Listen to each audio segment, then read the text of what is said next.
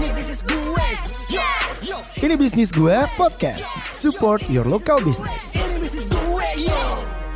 dream gue. Mhm. Gue tuh dreamnya adalah pengen menjual diri. Asik. Nah, ya ya, ya. gue butuh eh, sapuan ya. Ayo, ya kan? Ayo gimana tuh? Ah. Menjual diri karena eh, klien sama kita tuh kayak jodoh juga. Ush. Bener dong, Bener, ya bener, kan? Bener-bener gue tungguin tuh bisa kayak tiga jam sekali gue akan datang ke situ untuk ngeliat udah nyampe mana. Dan orang-orang dekor yang udah tahu gue tuh kayak, heh makanan, heh minuman gitu ya gak Oh, sih? iya, iya. Makan minum nih.